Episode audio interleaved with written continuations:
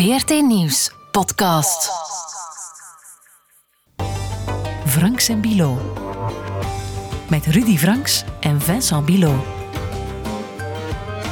Welkom in de september-aflevering van onze maandelijkse podcast. Het is deze maand precies 20 jaar geleden dat toenmalig president Bush de zogenaamde War on Terror ontketende. A great people has been moved to defend a great nation. Terrorist attacks can shake the foundations of our biggest buildings, but they cannot touch the foundation of America. The search is underway for those who are behind these evil acts. I've directed the full resources of our intelligence and law enforcement communities to find those responsible and to bring them to justice. We will make no distinction between the terrorists who committed these acts and those who harbor them. Als reactie op de aanslagen in New York en Washington viel Bush Afghanistan binnen, maar later ook Irak. Wat heeft die aanslag betekend voor de moslimgemeenschap in Amerika, maar ook bij ons in Europa en specifiek in België? We gaan het er straks over hebben met schrijver en columnist Mohamed Ouamari die ons hopelijk kan vertellen, Rudy, uh, of moslims zich na die aanslag anders bekeken voelden hier bij ons. En of het een extra rem misschien, misschien ook wel gezet heeft op de aanvaarding, de integratie van moslims in uh, westerse landen zoals het onze. De klok terugdraaien, ja. Maar er is één antwoord, dat weet ik nu al. We moeten samen thee drinken. Oké. Okay benieuwd of dat ook de uitleg zal worden van Mohamed straks. Maar eerst gaan we eens uitzoeken wat de geopolitieke balans is, 20 jaar na de War on Terror, en hoe het de positie van Amerika heeft aangetast als de natuurlijke leider van de wereldpolitiek. Franks en Bilo. En dat doen we samen met Rick Koolzaad, professor emeritus internationale betrekkingen aan de Universiteit Gent. Welkom, professor Koolzaad. Bedankt, bedankt voor de uitnodiging. Heel blij dat u naar onze podcast wilt komen. Die fameuze War on Terror, meneer Koolzaad, die is begonnen als een reactie van Bush op de aanslagen van 9-11, 20 jaar geleden. Hij opende een klopjacht op Osama Bin Laden, wilde ook de verantwoordelijke berechten die hem hadden beschermd of zelfs geholpen, in casu de Taliban in Afghanistan. Vond u dat toen, 20 jaar geleden, zonder aan hinein-interpretering te doen of rekening te houden met wat er de 20 jaar nadien is gebeurd, vond u dat toen een geoorloofde reactie? Ja, ja, Afghanistan binnenvallen was toen op zich een te verdedigen reactie. Het was een geoorloofde oorlog, zoals men dat noemde, dus uh, goedgekeurd door de, door de Verenigde Naties. Dus je kan in de wereldpolitiek alleen maar oorlog voeren op een wettige manier als je daar toestemming voor krijgt van de VN, van de Veiligheidsraad van de VN. Dat was het geval. Dus niet alleen was die oorlog begrijpelijk. Ik bedoel, eh, reactie, wraak, uh, de Taliban die uh, Osama Bin Laden niet wilden uitleveren. Dus was vanuit het standpunt, vanuit een louter menselijk standpunt, of als je wil een politiek standpunt, onvermijdelijk. Mhm. Maar tezelfde tijd, in die periode, zocht de Verenigde Staten ook nog naar toestemming, naar legitimiteit om die oorlog te voeren. En dus dat betekende dat, uh, ik denk voor de allereerste keer sinds de Tweede Wereldoorlog, uh, zowat iedereen, de hele wereld, achter die beslissing stond. Mhm. En dat werd dan bekrachtigd in de Veiligheidsraad van de VN. Dus hoe dat je het ook draait of keert, wettelijk gezien was daar op dat ogenblik niks tegen in te brengen. En eigenlijk moreel gezien ook niet. Nee. Het probleem was wel dat het niet van zo'n leien dakje liep als ze misschien gehoopt hadden. Want bijvoorbeeld Osama Bin Laden hebben ze niet meteen te pakken gekregen, om niet te zeggen, het heeft tien jaar geduurd voor ze hem hebben kunnen doden. Ja, maar dus je moet onderscheid maken, denk ik, ook op basis van de quote die je daarnet hebt laten, laten horen van, uh, van, van president Bush. Ik ga niet alleen de daders uh, achterna gaan, maar ook degene die hen uh, houvast en een herberg hebben gegeven. Dat waren de Taliban. En dus tot verbazing van zowel de Taliban als van uh, het Pentagon is die oorlog tegen, uh, tegen het regime, tegen de Taliban, heel snel beëindigd geweest. En dan heb je de uh, Al-Qaeda, of wat er van overbleef, is dan uitgewaaid. Eerst in de richting van, van Bora Bora, een in een onherbergzaam gedeelte in, in Afghanistan. Maar dan, dat was eigenlijk het einde van het oude Al-Qaeda. Uh, en toen is, en dan is het heel moeilijk geworden, ook voor de inlichtingendiensten. Men had geen signalisatie, geen signalement. Men wist niet uh, waar dat die man zat. En het heeft dus inderdaad zo lang geduurd, tot mei 2011, eer dat die opnieuw gevonden werd. Maar in het eerste gedeelte, de oorlog zelf, en nogmaals, dat tot verbazing van iedereen, na een paar weken was die voorbij. Mm. Laten we er eens even een eh, standpunt bij halen van een eh, andere academicus, terreurexpert Beatrice de Graaf van de Universiteit Utrecht. Zij vroeg zich onlangs in ter zake af of die hele war on terror niet een beetje een fata morgana is gebleven. Ik mag hopen nu een pas op de plaats komt en dat we eens even nadenken, 20 jaar na 9-11, wat die war on terror ons heeft opgeleverd. Meer dan 800.000 doden. En dit is ook weer een onderdeel nog steeds van, hè, de, het is begonnen met Afghanistan, het eindigt nu met Afghanistan. Maar ik hoop dat het nu eindigt, die war on terror. En ik vind wel echt dat het nu tijd is om ons te bezinnen van, wat, wat is eigenlijk die war on terror uh, waard? En hoe lang moeten we daar nog mee doorgaan? En wat betekent het precies? Nou, in dit geval is Afghanistan een voorbeeld geweest waarin de war on terror zo breed mogelijk is opgerekt. De war on terror werd nation building. De war on terror werd to make the world free for democracy. En uh, we gaan daar kosten wat het kost onze ideeën van veiligheid en vrijheid brengen. Dus het is veel te groot opgetuigd. Het, is veel te, uh, het, is, het is gewoon hubris geweest. We zijn nu twintig jaar later en eigenlijk is vriend en vijand het erover eens. Het is een totale mislukking eigenlijk geworden, die uh, operatie Afghanistan. Waar is het eigenlijk mis beginnen lopen van die geoorloofde uh, militaire actie waar het mee begon en ja, de, de aftocht die Amerika nu moet blazen met de staart tussen de benen? Waar is het eigenlijk beginnen mislopen? 2002. Dat, dat, is heel specifiek. Ja, in 2002, het is toen dat de, de Amerikanen beslist hebben om Afghanistan eigenlijk in een, in een hoekje te duwen, uh, uh, uh, om te vertrekken de facto met een militaire macht en die te richten op de oorlog in Irak. Ja. Dat is een beslissing die genomen is in eind, eind 2002. En dus op dat ogenblik hebben de Amerikanen eigenlijk hun belangstelling voor Afghanistan uh, verloren. Afghanistan is dan zijn eigen leven beginnen leiden. De Amerikanen die er waren, die moesten zichzelf legitimeren. En Beatrice Graaf heeft, heeft, uh, heeft helemaal gelijk. Toen is men in de Verenigde Staten gaan, uh, gaan denken in termen van nation building, waar de Amerikanen niet goed in zijn. Daar is niemand goed in. Ik bedoel, een, een, een ander land hervormen op basis van die overweldigende economische, militaire, politieke macht van de Verenigde Staten.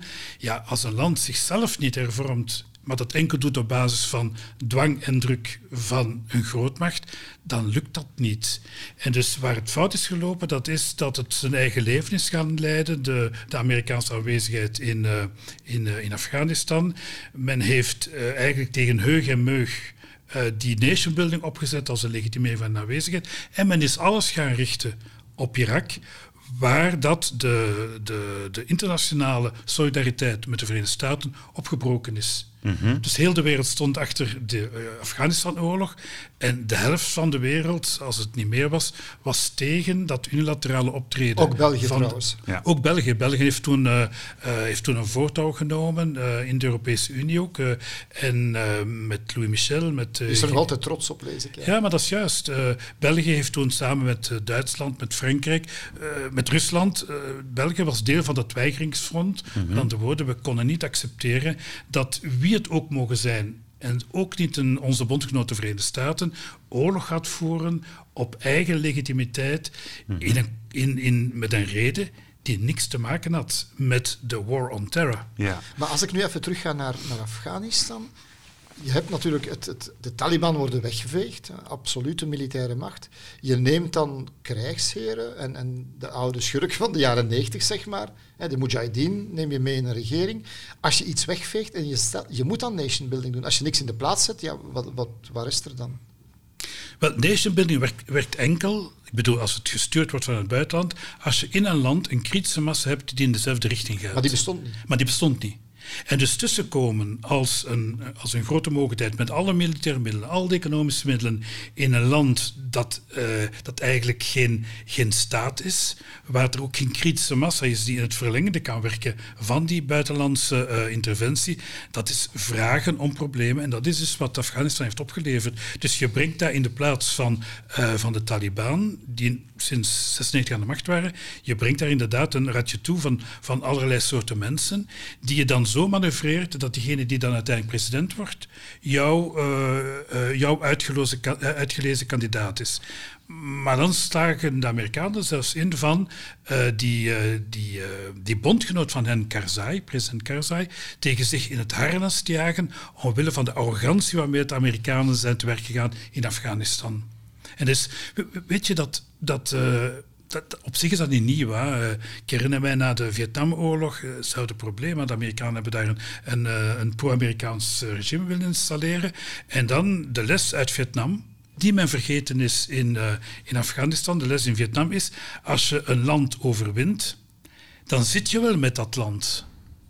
En dus de les uit Vietnam is niet doorgetrokken geweest, of tenminste in het begin wel. Hè. De Amerikanen na, na de, die, die falikante afloop in 1975 in, in, Vietnam, gedurende decennia hebben ze nog geweigerd van dat soort interventies op te zetten.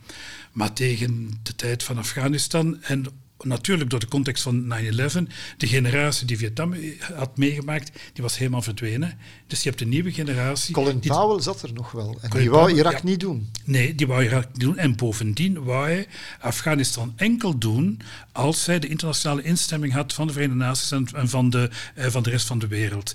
Maar Colin Powell, hoe lang is die daadwerkelijk invloedrijk geweest? Tot 2002.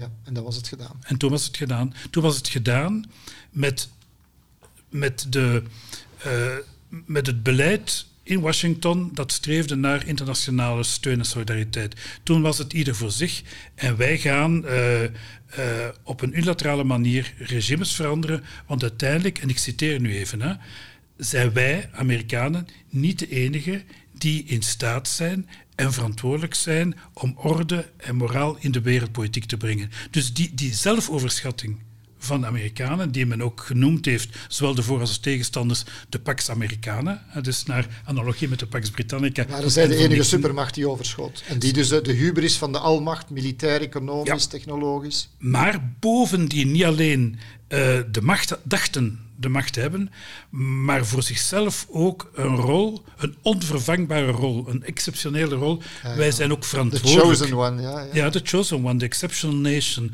Wij zijn verantwoordelijk voor het goed van de wereld. Want van ons komt er alleen maar goed. Maar dat is nu wel voorbij, hè? Ja, dat is voorbij en, en heel veel is, heeft te maken met 2005. In 2005, ik herinner me discussies toen in de, in de Europese Unie.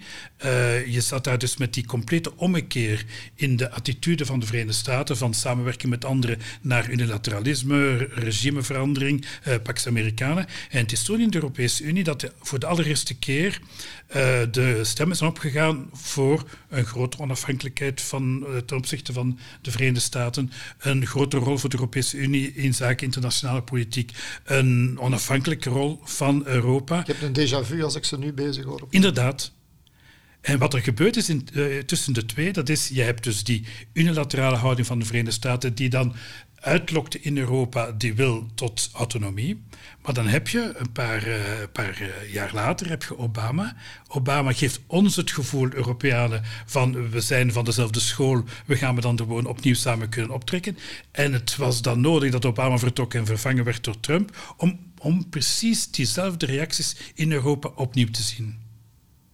Ja. Ik las ergens dat, dat um, de inval in Irak 2003, dat ja, eigenlijk de war on terror in een nieuwe, bijna een nieuwe stroomversnelling, maar in een vreemde interpretatie, een beetje een perverse interpretatie ervan, dat dat de slechtste beslissing in heel de Amerikaanse geschiedenis geweest is. Sinds 1776 of zo, in Ameri American Foreign Policy. Er zijn een paar andere slechte beslissingen geweest. Viet, Vietnam bijvoorbeeld. Ja, maar... ja, wel, ik zou niet zeggen sinds 1776, maar alleszins, het was wat men nu herkent. En Goran, je zei daar net, en eh, Vincent, je zei daar net ook. Het is uh, duidelijk een moment geweest waarop dat alles gekanteld is. Uh, en dat men nu beseft we mogen niet vergeten dat in 2003, toen die invasie plaatsgegrepen heeft, dat de Amerikaanse bevolking, 70%, bijna drie kwart er wel achter stond. Het heeft niet lang geduurd. Maar dus, het heeft inderdaad het beeld van de Verenigde Staten uh, helemaal doen afbrokkelen. om pas met Obama opnieuw op te klimmen, maar dan enkel in Europa, niet in de rest van de wereld. Maar als we dan kijken naar de war on terror, hè, want daar was het allemaal mee begonnen. Het gevolg van die invasie in Irak is Al-Qaeda in Irak geweest, is Sarkawi geweest, is tien jaar later IS geweest, is een versplintering van jihadisme worldwide. Inderdaad, en het dramatische is dat die oorlog in Irak, die invasie van 2003, met terrorisme niks te maken had. Het was dus het eerste bewijs dat de Amerikanen hun Pax Americana konden vestigen. En dus vanuit, uh, vanuit Irak zou dan als het ware de Pax Americana uitwaaien over heel het Midden-Oosten, het Midden-Oosten transformeren, democratie van maken. Maar het, het, het, het, reële gevolg in de reële wereld is geweest dat het, uh, het jihadi-terrorisme een nieuwe opstoot heeft gekregen. En dat met name in, in Syrië de basis is gelegd geweest voor datgene wat later Daesh of uh, IS zou worden, de Islamitische Staat. Het perverse dat ik heb meegemaakt in die twintig jaar is van dat ik de woord terror, terreur en terrorist eigenlijk steeds meer en te pas en te onpas heb weten gebruiken door allerlei mogelijke naties, regimes, whatever. Het werd op de Palestijnen geplakt, het werd door de Russen op, uh, op ik weet niet wie geplakt, die er niet aan stond, het werd door Assad gebruikt. Het woord terrorist het is eigenlijk een framing geworden om aan politiek te doen. Maar dat is ook niet nieuw. Hè? Bij elke golf van internationaal terrorisme zie je dat overheden, autoriteiten, uh, dat woord dat in de mode komt, dat was zo in de jaren zeventig ook, dat woord dat in de mode komt, gebruikt om politieke tegenstanders te, op deze te stigmatiseren. Schaal, op deze schaal is het de voorbije twintig jaar eigenlijk ongekend. Um, voorbij twintig jaar, maar als je terugkijkt naar de jaren zeventig, zag je dat het precies op dezelfde manier ge ge ge gebruikt werd. Zowel tegenover, uh, want je had toen een golf van Palestijns terrorisme, ja. aanhalingstekens, extreem links terrorisme, aanhalingstekens. En dat werd gebruikt bij ons om, extreem, om links uh, in de verdommenis te, te, te, te, wensen. En dat werd gebruikt om de, de, de Palestijnse bevrijdingsbeweging... Dezelfde technieken die, Ja, inderdaad. Sommigen hebben wel een Nobelprijs voor de vrede gekregen daarna. Uh, ja. Maar, Inderdaad. Uh, ja. En uh, hetzelfde geldt ook voor, uh, voor Mandela. Mandela en Arafat zijn allebei begonnen als terrorist, aanhalingstekens, en zijn alle, allebei geëindigd Nobelprijs voor de Vrede. Maar de islamitische terroristen, ik zie ze nog niet snel de Nobelprijs krijgen. nee, omdat ze ze zijn van tactiek niet veranderd. Dus Mandela heeft op een bepaald moment beslist, net zoals Arafat beslist heeft, terrorisme is geen moreel aanvaardbare manier en geen politiek uh, relevante manier om onze doelstellingen te bereiken. En dus met andere woorden, beiden hebben letterlijk en ook figuurlijk hun geweer van schouder veranderd. Het gebruik van geweld afgezworen. Ja, inderdaad. En dus hun, uh, de strijd voor zelfbeschikking met politieke middelen gaan, uh, gaan doorvoeren. Dan komen we bij een ideetje dat ik heb. Zouden we niet moeten een nieuw hoofdstuk bij Van Clausewitz schrijven? In plaats van oorlog als andere middel om aan politiek te doen, in de huidige tijd, in de war on terror, is terreur een andere manier om aan politiek te doen. Dat is wat Osama bin Laden gedaan heeft. Hij heeft terreur gebruikt om iets te bereiken. Een andere manier om aan politiek te doen. Maar Begin, Begin, heeft dat na de Tweede Wereldoorlog ook, ook, ja. ook, gedaan om, om Israël te creëren. En in de hele menselijke geschiedenis is terrorisme altijd een middel geweest van diegenen die zwak stonden om sterkeren uh, hun doelstelling op te dringen. En dus de arrogantie van elke terrorist, of dat nu een jihadi-terrorist is, of een extreem links, of een extreem rechts, of eender welke vorm van terrorist, de arrogantie is hun gemeenschappelijk, namelijk het gevoel dat zij de chosen one zijn, het gevoel dat zij geroepen zijn om agenten van de geschiedenis te worden, en dus die, die arrogante zelfoverschatting kenmerkt elke terroristenleider. Ja, maar Osama Bin Laden heeft wel zijn doel bereikt. Heeft hij zijn doel bereikt? Als het de bedoeling was om de grote Satan, dat is een strategie, vanuit, de, vanuit Amerika in het moeras en de bergen van Afghanistan te lokken en hem daar te verslaan en hem op termijn uit het Midden-Oosten, de Arabische wereld, te verdrijven, dan staan ze er nu wel dichtbij. Hè? Wat heeft hij meer gedaan dan de Vietcong in de jaren 70?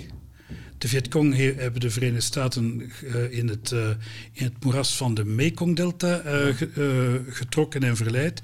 En uiteindelijk zijn ze met de staart tussen de benen, of tenminste met de helikopter, net zoals in. maar wat is het belangrijkste voor de Amerikanen? Dat ze Zuidoost-Azië hebben moeten verlaten? Of, of dit, er is een parallel te trekken, uiteraard. dan nu uit de Arabische wereld. Ze hebben nog nooit zo zwak gestaan dan nu. Ja, maar is die zwakte van voorbijgaande aard? Dat is een open vraag, ik heb daar geen antwoord op. Is die zwakte van voorbijgaande aard, zoals we gezien hebben na Vietnam? Of is dat een structurele zwakte? Heeft inderdaad de, de, de oorlog in Afghanistan, de oorlog in Irak en vervolgens de Global War on Terror, heeft dit de Verenigde Staten uitgeput? In zo'n mate dat de Verenigde Staten nooit meer de rol van grootmacht kan spelen. Het is een open vraag, maar ik zou daar mijn geld niet durven op inzetten om te zeggen dat de Verenigde Staten dodelijk gekwetst is. Dus in die zin denk ik eerlijk gezegd niet dat Osama bin Laden de, de grote staten op de knieën heeft, uh, heeft, uh, heeft gedwongen. Voor de komende tientallen jaren zie ik de Verenigde Staten nog altijd een rol spelen van grote mogendheid. Niet meer de grote mogendheid van net na de Tweede Wereldoorlog, maar een grote mogendheid naast Rusland, naast China, naast de Europese Unie. Naast? Naast, ja, ja. Niet meer erboven? Nee, niet meer erboven. En dus aan die zelfoverschatting is een, is een einde gekomen met de eindeloze oorlogen in Afghanistan en in Irak. En, het, en, en Obama was de allereerste president die beseft heeft dat de macht van de Verenigde Staten eindig was geworden. Niet omwille van het jihadisme, niet omwille van de eindeloze oorlogen, maar omwille van het feit dat de rest van de wereld sterk is geworden. Dus je hebt de Verenigde Staten gehad die op zich niet zwakker werd, alleen werd de rest van de wereld sterker. En dus wanneer speel je de rol van een leider als jouw macht of het nu economisch is, militair is en politiek, zoveel groter is dan al de rest samen. En dus wat er gebeurd is, en dat is gelijk, gelijk, uh, gelijktijdig verlopen aan die, uh, aan die war on terror, dat is dat terwijl de Amerikanen bezig waren met een global war on terror, de Chinezen op een hele geduldige manier bezig geweest zijn met de basis van hun wereldmacht uit te bouwen, namelijk een economische macht. En dus Obama was de allereerst om te beseffen uh, dat aangezien dat de macht van de Verenigde Staten eindig is, om de nationale doelstelling van de Verenigde Staten te bereiken, of het nu economisch herstel is, financiële stabiliteit, of het nu uh, de, het klimaat is, wat dat voor Obama uh, een cruciaal gegeven was, daar heb je, wij kunnen dat niet meer alleen, wij hebben daar anderen voor nodig. En toen is Trump gekomen. En was de war on terror een mislukking dan? Ik zou zeggen, als je het nu bekijkt, het is een mislukking geworden vanaf 2002, zoals ik dan net zei. Ja, het is een mislukking omdat je een oorlog niet voert tegen een tactiek. Terrorisme is een tactiek, is een methode om een doelstelling te bereiken. Uh, terrorisme is niet zoiets als het communisme. Terrorisme is een tactiek die anderen gebruiken en door, doorgaans zwakker gebru gebruiken tegen, tegen sterker. En dus door van bij het begin een tactiek als vijand te definiëren en de deur open te zetten, zoals je net zelf zei, naar alle mogelijke instrumentaliseringen, ik denk dat zonder twijfel dat je kan zeggen dat nu, twintig jaar later, de global war on terror niet alleen ten einde is, maar ook uitgeput en verloren is. En toch zei Biden nu, we will hunt them down. Hij gebruikte bijna dezelfde woorden als Bush na de aanslag op de luchthaven van Kabul. Ja, dat is ook de Verenigde Staten. Met andere woorden, je mobiliseert de Verenigde Staten enkel als je het goede tegenover het kwade kan plaatsen. Laten we nog eens even luisteren naar de, de aanstoker tenslotte van die hele war on terror, ex-president uh, George Bush, wat die twintig jaar later nu dus eigenlijk uh, te zeggen heeft daarover. In the weeks and months following the 9/11 attacks, I was proud to lead an amazing, resilient, united people. When it comes to the unity of America, those days seem distant from our own. Malign force seems at work in our common life that turns every disagreement into an argument, and every argument into a clash of cultures. So much of our politics has become a naked appeal to anger, fear, and resentment. That leaves us worried about our nation and our future together. Dat verenigde, letterlijk verenigde staten van Amerika van vlak na 9-11, dat is dat is volledig verdampt. Dat is nu een ja, sterk gepolariseerde samenleving. Ik vertel niks nieuws als ik dat zeg. Ik weet ook niet of we één op één kunnen zeggen dat het nu die aanslagen van 9-11 zijn die ervoor gezorgd hebben dat twintig jaar later Amerika zo'n verdeeld land is. Maar heeft het er toch een rol in gespeeld? Het zal een rol gespeeld hebben, maar het is een, het is, het is een veel diepgaander probleem. Het geldt niet alleen voor de Verenigde Staten. Je ziet dat ook in Europa. Uh, onze landen ook intern verdeeld zijn. Het wordt steeds moeilijker om, en niet alleen in België, maar het wordt steeds moeilijker om regeringen te vormen. Het wordt steeds moeilijker om een, uh, om een beschaafd politiek debat uh, te hebben. Het wordt steeds moeilijker om die, uh, die digitale riool die de sociale media zijn, om die zich wat te laten gedragen. Dus met andere woorden, die polarisering die in de Verenigde Staten begonnen was tussen Republikeinen en Democraten voor 9-11, je ziet dat in een groot gedeelte van de wereld datzelfde soort polarisering ook. Het heeft het wij-zij-denken op scherp gesteld. Ja, maar het wij-zij-denken niet alleen tussen, uh, tussen moslims en niet-moslims, maar in de Verenigde Staten bijvoorbeeld ook tussen, uh, tussen republikeinen en democraten. Hier bij ons tussen Vlamingen en Walen. Je hebt overstroming nodig gehad in, uh, in Wallonië en Vlamingen die gingen helpen om die solidariteit opnieuw te, te tonen. We zijn geëvolueerd als liberale democratieën, dus ons soort democratieën.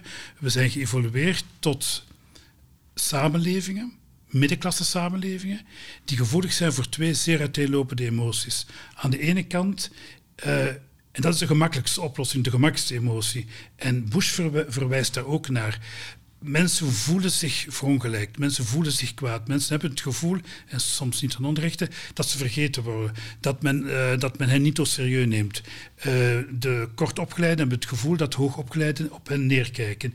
En dus er zijn allerlei redenen die te maken hebben met vormen van ongelijkheid die in ons soort samenlevingen een draagvlak creëren voor het soort van rancune die op de meest magistrale manier, en ik zeg het met enig cynisme, getoond is geweest in het beleid van Trump.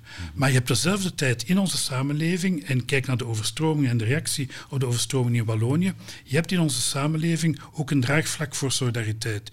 Je hebt een, uh, een draagvlak voor datgene wat Obama geprobeerd heeft van te doen, namelijk een nieuwe lijm vinden voor de Amerikaanse samenleving. Yes, we can.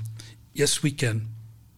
En dus een nieuwe doelstelling voor die ongelijke, onzekere, gefragmenteerde middenklasse samenleving, dat is wat onze democratieën overal kenmerkt. En dat is een keuze die moet gemaakt worden. Maar voor beide, en Trump en Obama zijn wat dat betreft exemplarische voorbeelden, voor beide bestaat er een draagvlak. Maar als je het dan terug vertaalt naar, naar die terrorisme. Hè, en je hebt die statistieken, en, en, ik weet dat daar discussies over bestaan over hoeveel, want het, het leek wel alsof er een golf van jihad-terrorisme was in Europa en, en de voorbije tien jaar, zeg maar. Maar je merkt nu ook dat men meer en meer extreem rechts terrorisme krijgt, dat je incidenten krijgt die een heel andere natuur hebben. Meer nog, ik heb de cijfers inderdaad nog eens gezien. Uh, rechtsextremisme, maar evengoed um, aanslagen vanuit separatistische groeperingen zijn eigenlijk uh, talrijker geweest de voorbije 10, 20 jaar dan, uh, dan, dan jihad-aanslagen. ja, maar en toch hebben we niet die perceptie. Hè? Nee, maar het effect van een terreuraanslag laat zich niet alleen afmeten aan de hand van het aantal of van het aantal doden, maar ook van het effect dat het sorteert. Mm -hmm. En die jihadi-aanslagen, of het nu in de Verenigde Staten was met 9-11 of hier bij ons in eh, Europa in 2015, 2016, heeft zich als het ware verankerd op die polarisering tussen moslims en niet-moslims. En datgene wat vroeger eigenlijk het handelsmerk was van extreem rechts, namelijk uh, de islam beschouwen als de grote boosdoener, het probleem uh, van alles, gecombineerd met migratie. Wel, een groot gedeelte van ons maatschappelijk discours is in die richting gegaan. Als je nu spreekt over een migrant, dan denk je automatisch aan, aan, aan een moslim. En dan eh, achteraan in je, in je achterhoofd het idee van terrorisme. En dat is eigenlijk, in die zin is Osama Bin Laden geslaagd. En in die zin heeft hij een objectieve bondgenoot gevonden bij ons extreem rechts. Want beiden waren erop gericht, zowel extreem rechts bij ons als Osama Bin Laden, die polarisering teweeg te brengen tussen moslims en niet-moslims en duidelijk te maken dat moslims geen plaats hebben in een westerse samenleving. De vloek van Osama. De vloek van Osama, inderdaad. Ja. Het is waar. Je hebt, je, hebt, je hebt het eigenlijk... Hoeveel jaar geleden is dat ondertussen al dat je dat... Uh... Ruim tien. Zo hebt betiteld, ja. tien jaar geleden al. Toen wist Rudy Franks het ook al. Ja, The War on Terror, twintig jaar later, blijkt toch geen, uh, geen doorslaand succes geweest te zijn. Uh, ik hoorde u daarnet zeggen, ja, ik wil me niet te veel uh, proberen um, ja, te, te, wagen aan voorspellingen, uh, toekomstvoorspellingen. U hebt al een beetje aangegeven hoe u denkt dat die nieuwe wereldorde er zal, er zal uitzien. Hoe, hoe ziet u het eigenlijk met wie er nu aan het roer zit in die verschillende landen, Amerika, China, Rusland? Hoe ziet u het nu op de korte, middellange termijn uh, nog evolueren? Wat, wat worden nu de, de kritische punten waarop de machtsverhoudingen zullen, zullen afgemeten worden? We gaan niet naar een nieuwe wereldorde, we zijn in een nieuwe wereldorde. En de nieuwe wereldorde is een wereldorde die heel sterk lijkt op die van de 19e eeuw. Je hebt een reeks van grote mogendheden, je hebt geen supermachten meer, zoals de Verenigde Staten na de Tweede Wereldoorlog of na de, het, het ineenstorten van, van de Sovjet-Unie. Je hebt een reeks grote mogendheden die aan elkaar gewaagd zijn, die economische macht hebben, sommigen meer, sommigen minder, die militaire macht hebben, die politieke invloed hebben. Het spel tussen die grote mogendheden, zal het internationaal klimaat bepalen, net zoals het dat deed in de 19e eeuw. En dat betekent dus als die grote mogendheden een gemeenschappelijke doelstelling vinden. Neem bijvoorbeeld uh, wat Obama geprobeerd heeft en wat Biden opnieuw onderschrijft. Klimaat. Klimaat is de grote uitdaging voor de hele, voor de hele mensheid. Als grote mogendheden zich daarop verankeren, dan heb je samenwerking tussen die grote mogendheden. Als die grote mogendheden elkaar daar niet in vinden in een gedeelte doelstelling, dan heb je conflict. Ja, lijkt me een beetje utopisch om te denken dat, dat mogendheden als, als China en Rusland oprecht nu aan één zeel willen trekken wat dat klimaat betreft. Wel, Rusland... daar misschien wat te cynisch in? Daar ben je te cynisch in. Ja, toch. Uh, Rusland zie ik inderdaad die omslag niet maken. China doet dat niet omwille van ecologische redenen. China doet dat. China is bijvoorbeeld de grootste leverancier van, van zonnepanelen.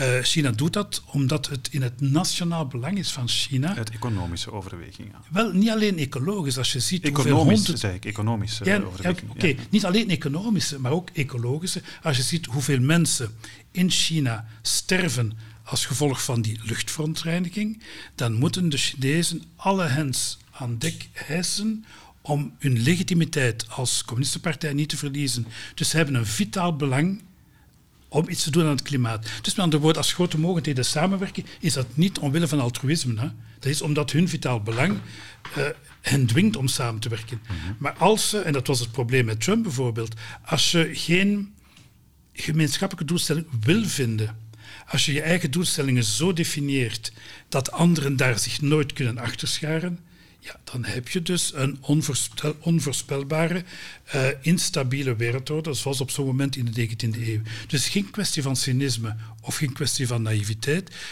Het is een kwestie van politieke machtsverhouding in elk van die grote mogendheden. Hoe definieer ik mijn nationale belangen en kan ik samenwerken?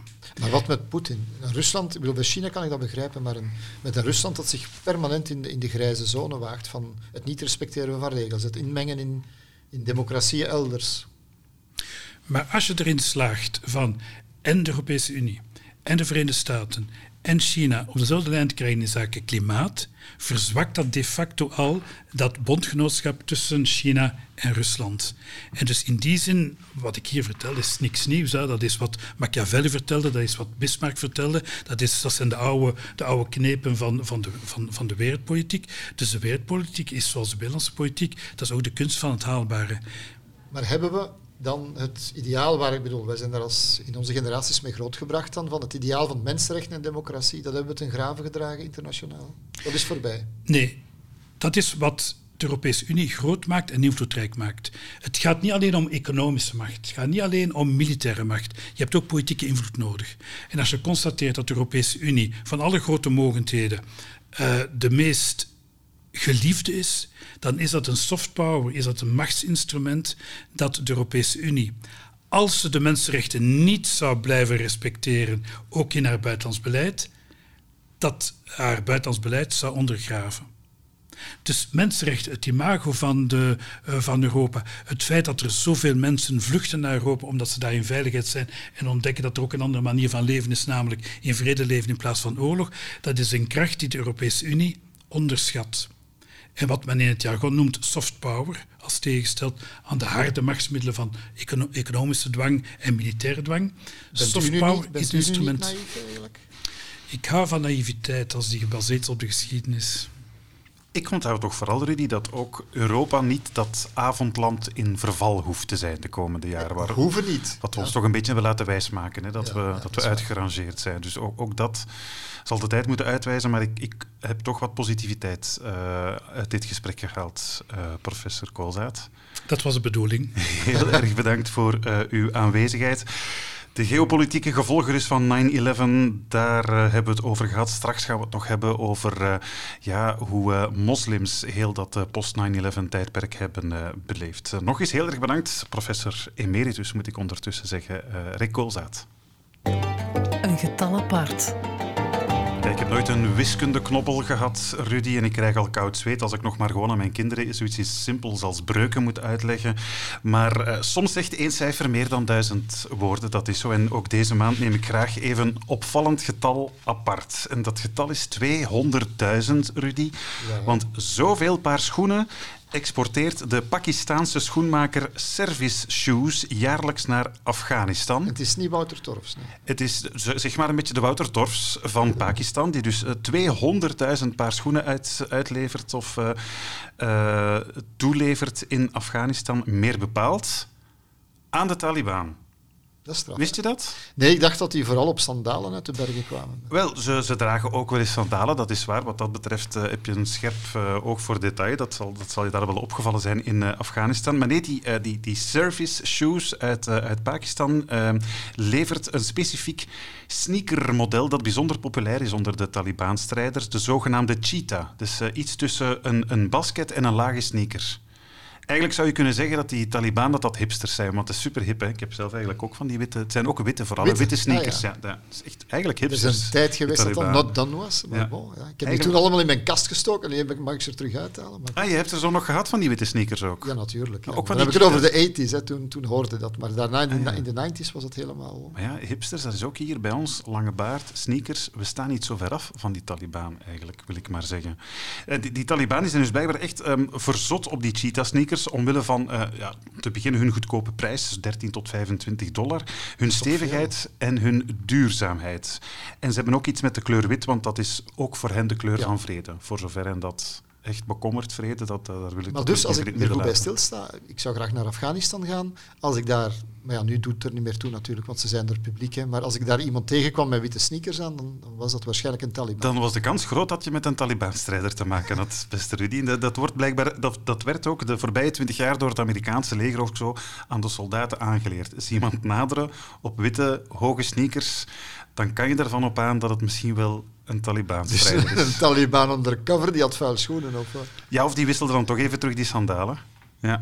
Straf eigenlijk dat dat zelfs door de Amerikaanse eh, legerofficieren werd meegegeven. Nu, moet ik zeggen, ik had in de tijd een trucje om eh, mensen van die intelligence van Irak te herkennen.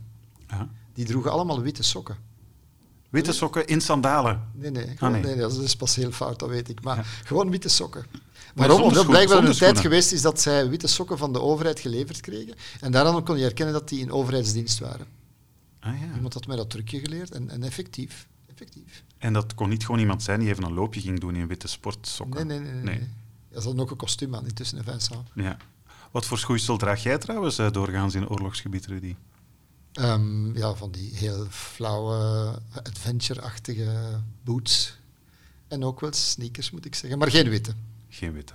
Nee, je bent geen hipster, hè? Nee, ja. Nee, Ik heb ook geen baard, hè. nee dat is waar. Goed, maar dan, dan zijn we eh, goed geschoeid om mars te zetten naar ons eh, volgende onderwerp.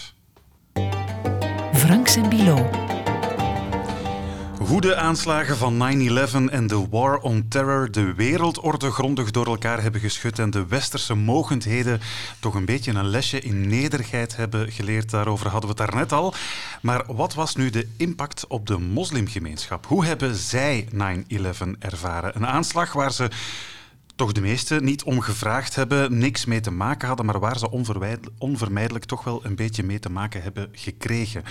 Al was het maar in de perceptie in hoe wij, Westerlingen, naar moslims zijn gaan kijken. Niemand beter geplaatst om ons daarover bij te praten dan Mohamed Ouamari, schrijver en columnist. Goeie, goeiedag.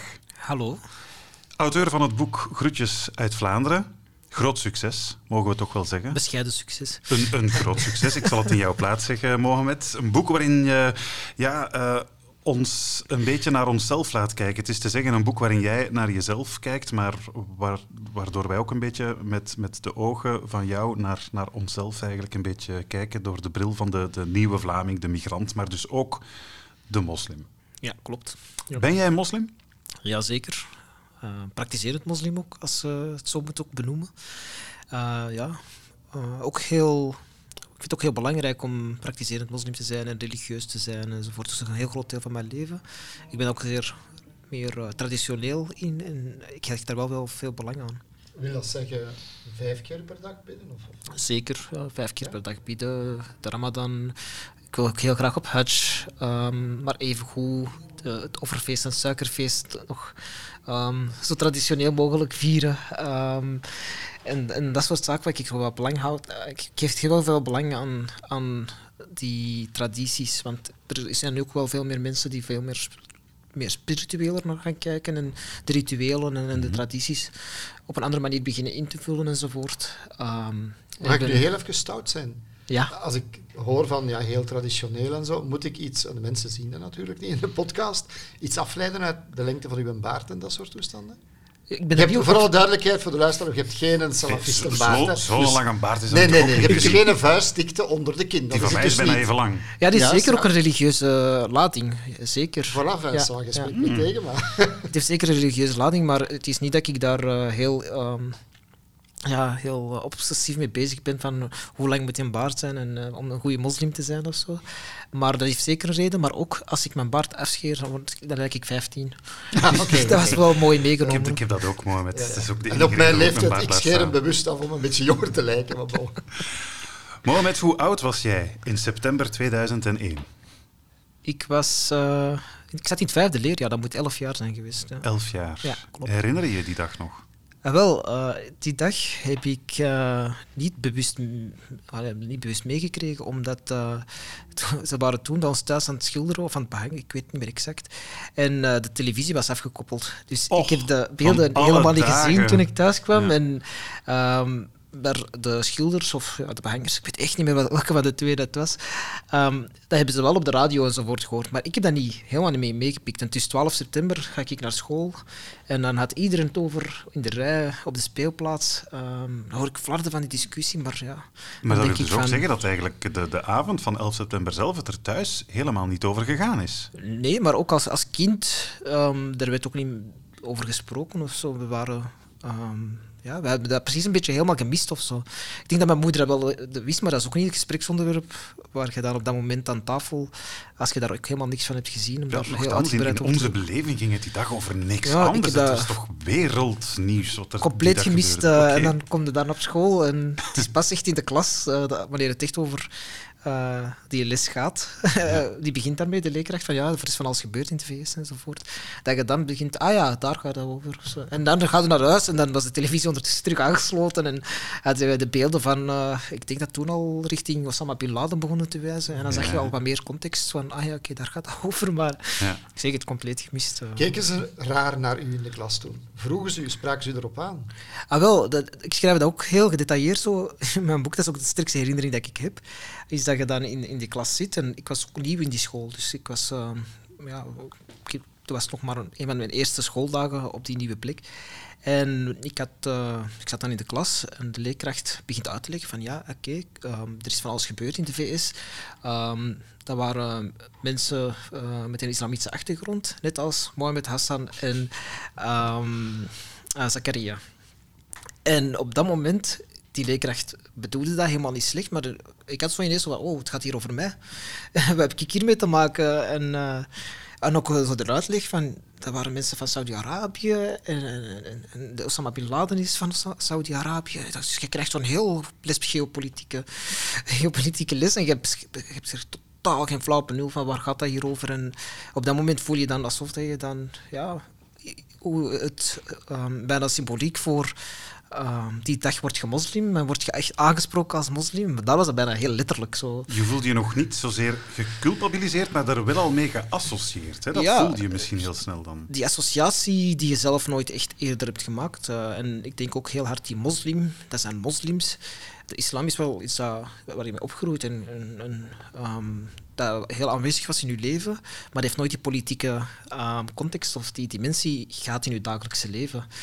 Ehm, ze zeggen ook vaak van eh, 9-11 is voor de eerste keer dat je daar met die moslimidentiteit mee geconfronteerd wordt, maar ik denk dat dat bij de Rushdie-affaire bijvoorbeeld, dat dat wel eerder Maar dat is al veel jaren vroeger, die waren nog niet geboren. Zijn. ja, dus ik denk dat dat wel al enige angst voor de islam en, en, en dat zal wel hebben bestaan, maar nog niet zo op de manier dat je daar constant elke dag mee bezig waart van ik ben een moslim en eh, mijn cultuur of mijn identiteit wordt in vraag gesteld door eh, mensen waar ik mee samenleef of zo. Hebben jullie toen het woord jihad leren kennen in de school? Werd dat toen over gesproken, wat dat was? Ik herinner me dan niet dat dat daar besproken is geweest, maar ik zal, ik zal ook zeggen, ja, jihad is wel zo'n woord dat je dat in principe nooit mee in contact bent gekomen als kind of zo. Dat is niet...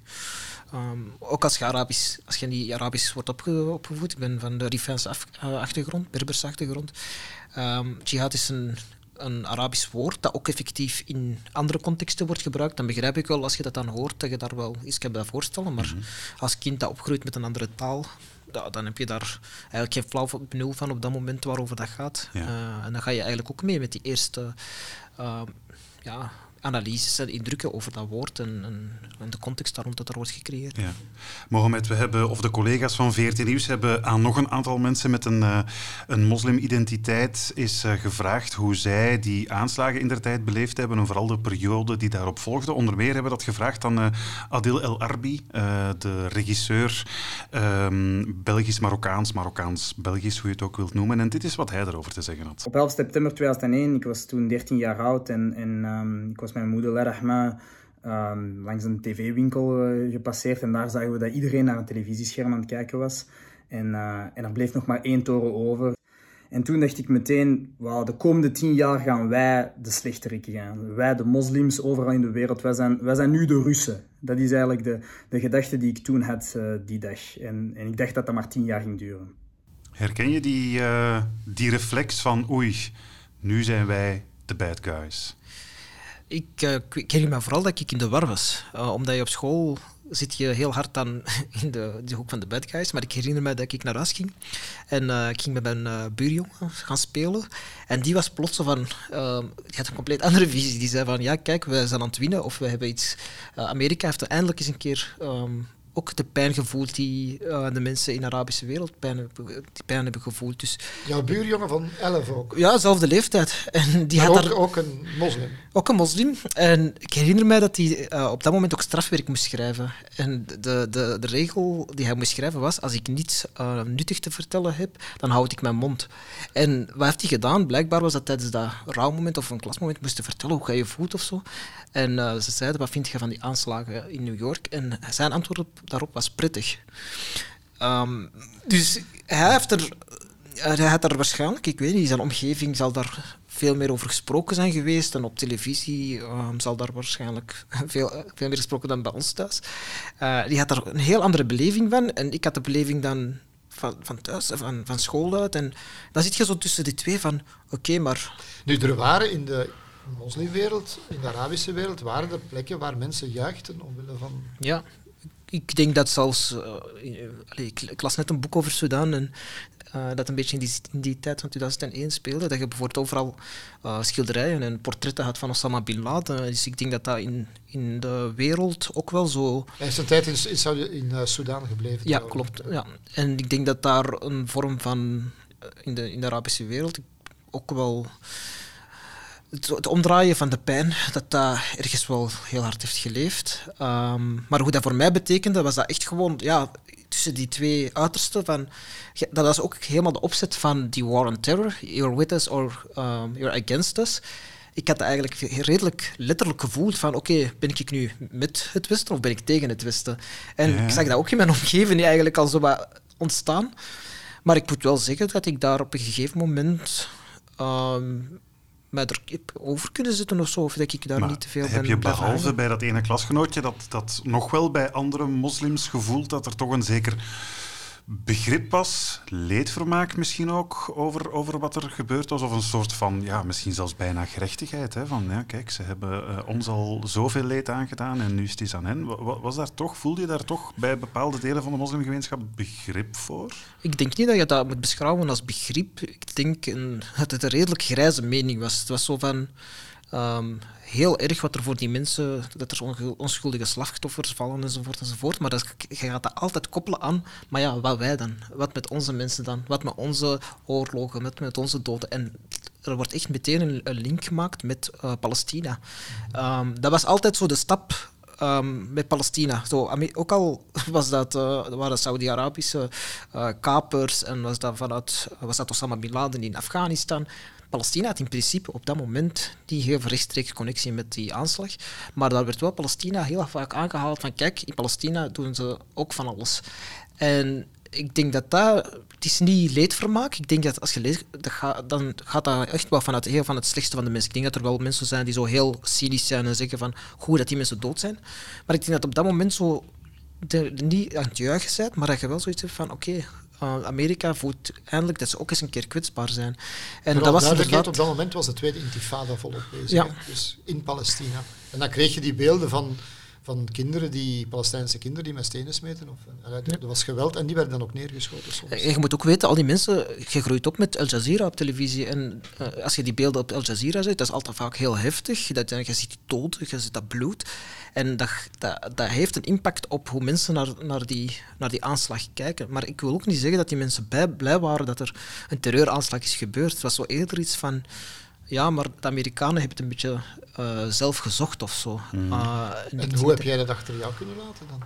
Hoe heb je dat, omdat je zegt van, je waart er door ergens ja, gevrongen, hè? Of, of laten we zeggen een aantal mensen zijn daarmee gevrongen. Hoe, hoe heb jij dat achter u kunnen laten? De jaren daarna, tussen de elf jaar, goed, ja, het leven Ja, ik zit ook klein, je bent ook jong, je hoort daar... Ik ben ook iemand die, die de grootste mond heeft. eh, Zeker toen, ik was een heel eh schuchtere jongen en ik ben ook zo niet iemand die toen zo gemakkelijk een opinie ging vormen of zo. En ik luisterde gewoon naar wat er rondom mij heen werd gezegd, maar eigenlijk had ik daar weinig zelf een mening over, omdat ik daar zo gewoon daardoor in de war was van oké, maar hoe moet je daarin gaan positioneren? Want ook de boodschappen vanuit de politiek was ook heel hard ehm, wij tegen, tegen zij. En ik denk dat dat ook onderschat wordt van als je dat als politiek ook had, zitten die, die twee kampen van ofwel gezet uh, met de VS ofwel zit je tegen ons. En dan de oorlogen daarna natuurlijk, de oorlog in Afghanistan daarna zeker de oorlog uh, tegen Irak. Dat was dan sowieso al van je zit tegen ons als je de, de Irak-oorlog niet, niet steunt of zo. Mm. Um, en ik ben daar wel zo mee in opgegroeid van ook heel veel betogingen die in Antwerpen bijvoorbeeld, um, onder andere door AEL, die dat dan ook organiseerden enzovoort, had ik wel zo um, wel het gevoel van wat Amerika doet en die, allee, die, die vergeldingsacties enzovoort. Ik was daar ook tegen, maar ik was ook in principe tegen al die gruwelijke beelden van. Ik herinner me de onthoofdingen van, van Al-Qaeda, van um, die heel gruwelijk waren, die ook de beelden gingen rond op het internet enzovoort. Ik herinner me dat ook allemaal. Dan denk ik van, dat kan toch niet... De eerste beelden van onthoofdingen, dat was 2004? Ja, rond die tijd, dus drie jaar na 9-11 ongeveer. Ja, ik herinner me dat nog heel, heel levendig, ja? omdat dat ook weer werd, werd rondgedeeld. Ik weet niet meer exact hoe. Ik denk dat op de eerste telefoons met, ja, met kleur, kleurscherm. Um, en dat was best wel heftig, maar ik vond het ook heel weerzinwekkend van wat is dit voor waanzin? En, en dit kan toch nooit stroken met de islam? Want dat was wel ook een heel belangrijk waar ik mee op ben opgegroeid, alles wat met terreur te maken en zo, dat werd ook heel hard van het islam afgekeurd. Dus dat werd ook gezegd, die mensen die in die, in die toren vliegen en onschuldigen doden, de regels rond oorlogvoering in de islam, islamitische godsdienst enzovoort, dat klopt allemaal niet wat daar gebeurt, wat Osama Bin Laden heeft gedaan enzovoort. Dus je zat constant met heel veel informatie die je moest gaan, gaan filteren van oké, wat moet ik mij nu tegen gaan verhouden? Uh, maar ik denk dat dat wel zeker heeft, ook heeft geholpen. Dat bijvoorbeeld ook ja, de, moskeeën hebben zich ook heel hard uitgesproken tegen, tegen terrorisme, uh, de ouders. Maar tegelijk... Daar wil ik nog iets over zeggen. De moskeeën hebben zich heel hard uitgesproken tegen terrorisme. Het verwijt dat je, ik zal ook in wij-zij spreken, hè, dat je aan onze kant hoort, is dat die moskeeën zich eigenlijk niet genoeg uitspreken erover. Als ik mensen uit mijn omgeving nog altijd bij elke aanslag vanuit Saudi-Arabië. Ja, ja, De, de, mensen vanuit de omgeving dat je zo hoort zeggen, zelfs nu nog, twintig jaar later, na elke aanslag, waarom zeggen die imams niks dat ze dat veroordelen? Alsof ze niet horen wat de imams zeggen. Hè. We horen elkaar niet. Ja, en ik denk dat er ook gewoon heel veel wantrouwen is. Uh, er wordt gezien naar imams als uh, wolven in een schapenvacht die er worden complottheorieën verspreid van in, de, in het openbaar zeggen ze dit en achter de schermen in de moskee zeggen ze iets helemaal anders. Wat gewoon helemaal niet klopt. Ik denk dat uh, als je ook kijkt naar de aanslagen in 9-11, zijn er zoveel fatwas tegen Al-Qaeda verschenen geweest. Zijn er zoveel lijsten met imams, zo duizend imams die um, Al-Qaeda weerleggen enzovoort, enzovoort. Dus dat was eigenlijk meteen eigenlijk redelijk snel was er eigenlijk een tegenreactie vanuit de, moslim, vanuit de moslimwereld. Maar dat wordt dan natuurlijk, ik denk, um, in vergelijking met bijvoorbeeld de katholieke kerk, heb je de paus en dan heb je één, één gezagsfiguur, als die iets zegt, dan, staat er, allee, dan, dan heeft dat een bepaalde geloofwaardigheid. En ik denk door de fragmentatie van de islamitische wereld en de islamitische godsdienst, waar dat eigenlijk heel, geen hiërarchie bestaat, dat daar dan ook een beetje het overzicht, overzicht uh, verdwijnt en daar ook de boodschap ook ver, uh, verbrokkelt. We geloven elkaar niet meer ja, vanaf dan.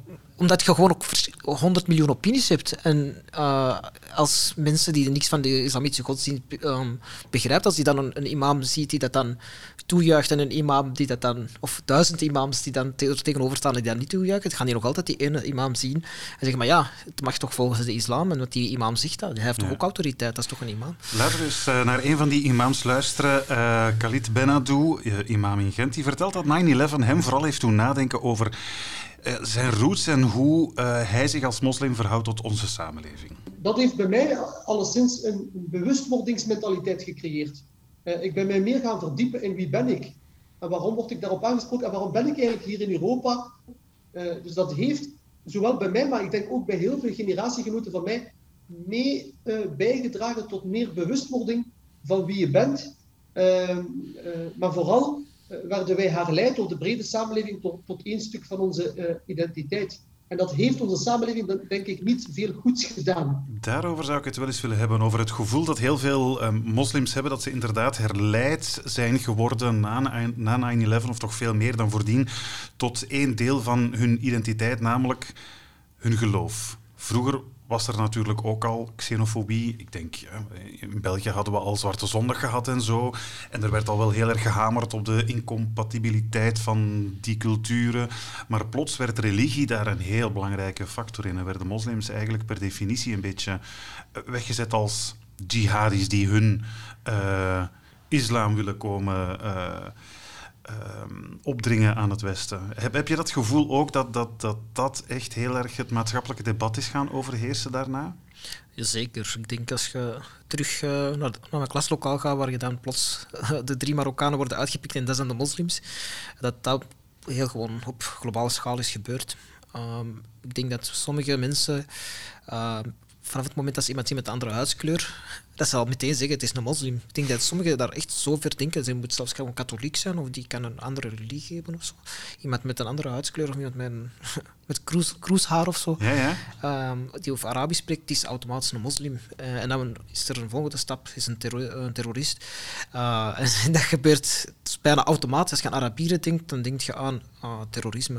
Ik denk dat dat ook heel veel te maken heeft natuurlijk met beeldcultuur. Uh, als je, um, hoe, hoe pers omgaat met um, moslims en boos, wat zie je dan? Dan zie je mannen met baarden en, lange gewaden die boos zijn en die schreeuwen en heel emotioneel zijn. Uh, dat heeft allemaal afgelopen twintig jaar heeft dat wel de mensen een bepaalde um, framing uh, meegekregen van oké, okay, wat is de islam? Uh, en daar word je daar ook op gereduceerd, inderdaad. Uh, kun je daar veel aan doen. Op de, je kunt eigenlijk gewoon proberen te blijven benadrukken dat je veel meer bent dan dat. Uh, ja, doe je dat? Hoe ziet jij jezelf dan?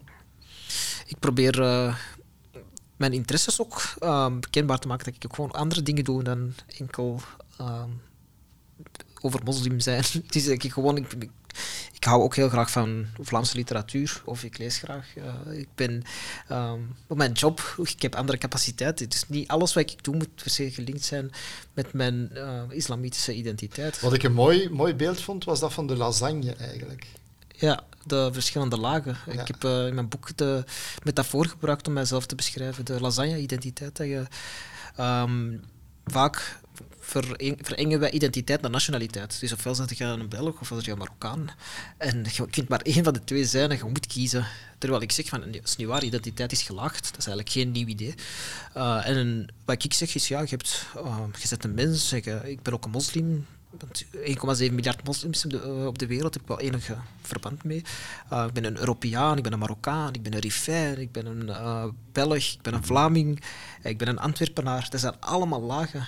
En uh, de ene laag heb je gewoon veel meer een uh, concretere band mee dan een andere laag. En als ik naar mezelf kijk, um, heb ik dat zo ook opgedeeld. En bij mij staat de Antwerpenaar um, bijna het dichtste bij mij, lokale identiteit. Omdat als je kijkt tussen moslims onderling bijvoorbeeld, als je dan de mosliminsteek pakt, dat er een verschil is tussen iemand die in Antwerpen moslim is en iemand die in Limburg moslim is, of in, in Antwerpen of uh, Rabat. Um, zelfs op wijkniveau heb je zelfs. Ja, ja. Uh, dus hoe dichter dat je gaat kijken van uh, welke mensen rondom je heen zijn, hoe harder dat je identiteit dan verandert of zo. En dat is wel iets waar ik altijd probeer te hameren. Ik heb gewoon veel meer verschillende laagjes in nu dan enkel die ene component waar mensen nu op proberen te, te, te vast te pinnen of zo.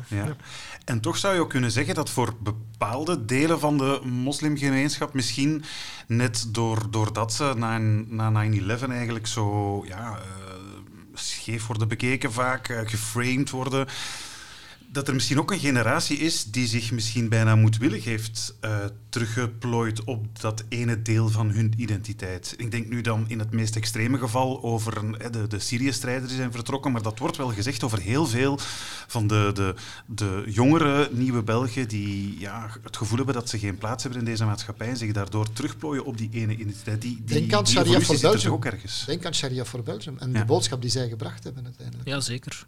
Want ik denk dat dat echt wel heel belangrijk is geweest. Dat mensen inderdaad van, oh, ze vallen ons aan. En het eerste wat je dan doet, is dan jezelf gaan opsluiten en de gelederen sluiten. En zeggen van, oké, hoe kunnen we onszelf hier gaan verdedigen? En dan ga je heel hard aan identiteit, dan ga je onderzoeken van, oké, we zijn allemaal moslims.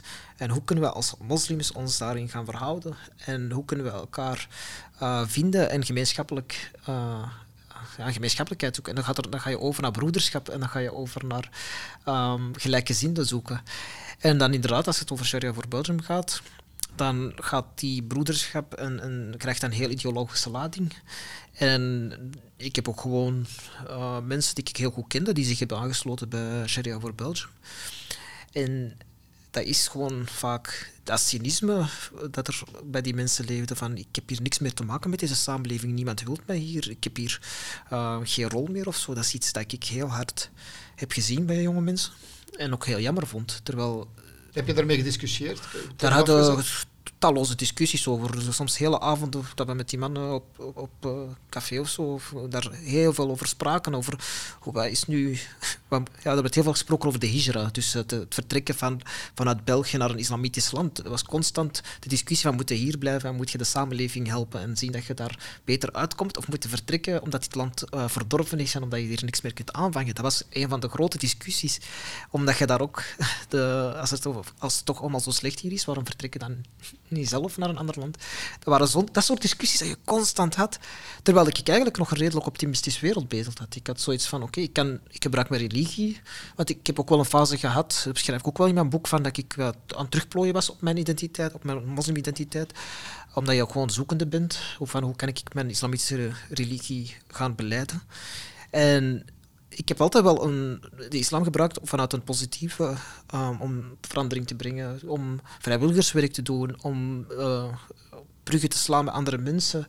Uh, en ik heb dat altijd vanuit uh, ook gewoon um, het leren, het onderzoeken van Iqra, de, de eerste zin in, in de islam, dat kan je ook vanuit die vanuit die inspiratie kan je superveel doen. En ik heb dat dan vanuit mijn islamitische overtuiging gedaan.